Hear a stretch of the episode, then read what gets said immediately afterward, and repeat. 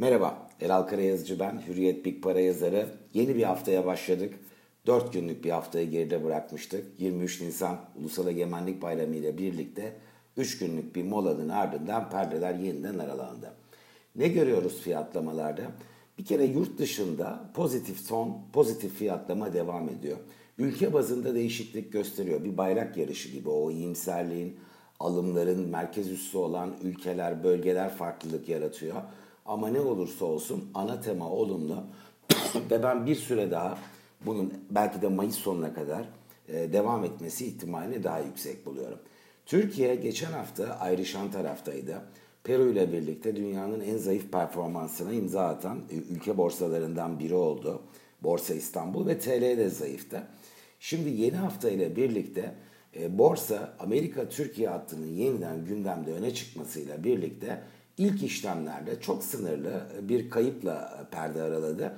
Fakat arkadan biz bu kaydı alırken Türkiye saatiyle 10.06 e, yeniden e, pozitife döndüğünü artı %0,6 ile endeks 100'ün 1353 puana ulaştığını görüyoruz. Döviz tarafı evet bir ara 8.48 test edildi. Fakat artık işlemler daha oturmaya başladı Türkiye'nin açılmasıyla birlikte. 8.40 görüyorum kotasyonları ve bu perşembenin kapanışı olan 8.32'ye göre %1 kadar bir yükseliş. Çok büyük bir yükseliş değil ama Türk lirasının da net negatif ayrıştığı bir resim. Şunu rahatlıkla söyleyebiliriz. Kendi içinde e, Türk lirasıyla Türk borsası arasında da bir ayrışma olduğunu görüyoruz. Çünkü dolar yukarıya gittikçe, dolar bazı değeri aşağı geldikçe BIST'in bu en azından yabancı satışlarını frenliyor. Hatta alım yönünde davranışta bu e, refleks gösteren yabancılarda pekala ol, olabiliyordur. Ama çok büyük ağırlık, çok büyük ölçekte alımlar var mı derseniz şu aşamada bunu söyleyemeyiz. Şimdi geriye çekilip bakarsak borsada aslında son 30 günde kendi içinde de çok büyük ayrışmalar var. Şöyle ki cari değeriyle de bakarsak endeks yüze e, son 30 günde kayıp var ve %2 ile sınırlı. BIST 30'a bakarsak 30 gün öncesine göre bir değişim yok. 1422 puanla şu anda işlemler geçiyor. Ama endeks e, yüzde yer alan ama endeks 30 dışında kalan 70 hisse senedinin oluşturduğu e, bölümde buna işte endeks yüzün 30 dışı hisseler endeksi deniyor. Son 30 günde yüzde 6 kadar kayıp var.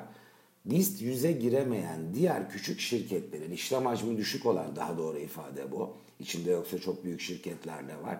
BIST yüze giremeyen e, X tümün hisse senetlerinin endeksine baktığımızda da geride kalan 30 günde %11.6'lık bir kayıp var.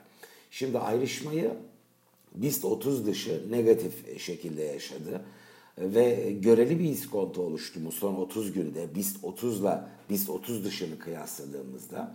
Evet BIST 30'a giremeyenler e, kabaca %10 kadar daha iskontolu hale geldiler. Fakat daha geriye çekilip bakarsak son bir yıldaki değişim oranlarına da bakalım dersek BIST 100 bir sene öncesine göre %37 yukarıda, BIST 30 %22 yukarıda, BIST 100'e giremeyen hisseler endeksi %116, BIST yüzde olan ama 30'da yer, alan, yer, yer almayan hisseler endeksi ise %80 yukarıda. Başka bir deyişle bu son bir aylık kesiti bir yana bırakırsak 30 e, dışı şirketlerle çok güçlü performanslar görmüştük. Bunun e, belki de 9'da birini geri verdiler negatif ayrışarak. Henüz e, dikkate değer bir dengelenme olduğunu, aradaki makasın kapandığını söyleyemeyiz. Şunu çok rahat görebiliriz.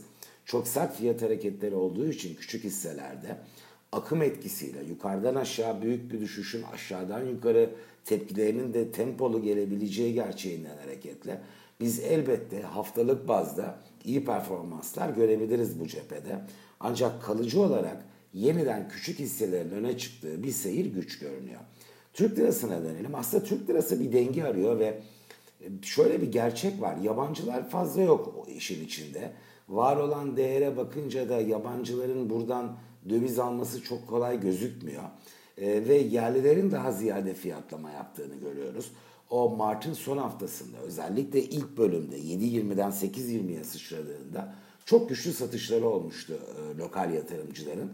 Fakat son günlerde, son 1-2 haftadır yavaş yavaş düşük ağırlıkla da olsa satışta değil alışta görüyoruz yerellere ve fiyatlamada etkileri var. E bir taraftan da reel ekonominin döviz ihtiyacı var.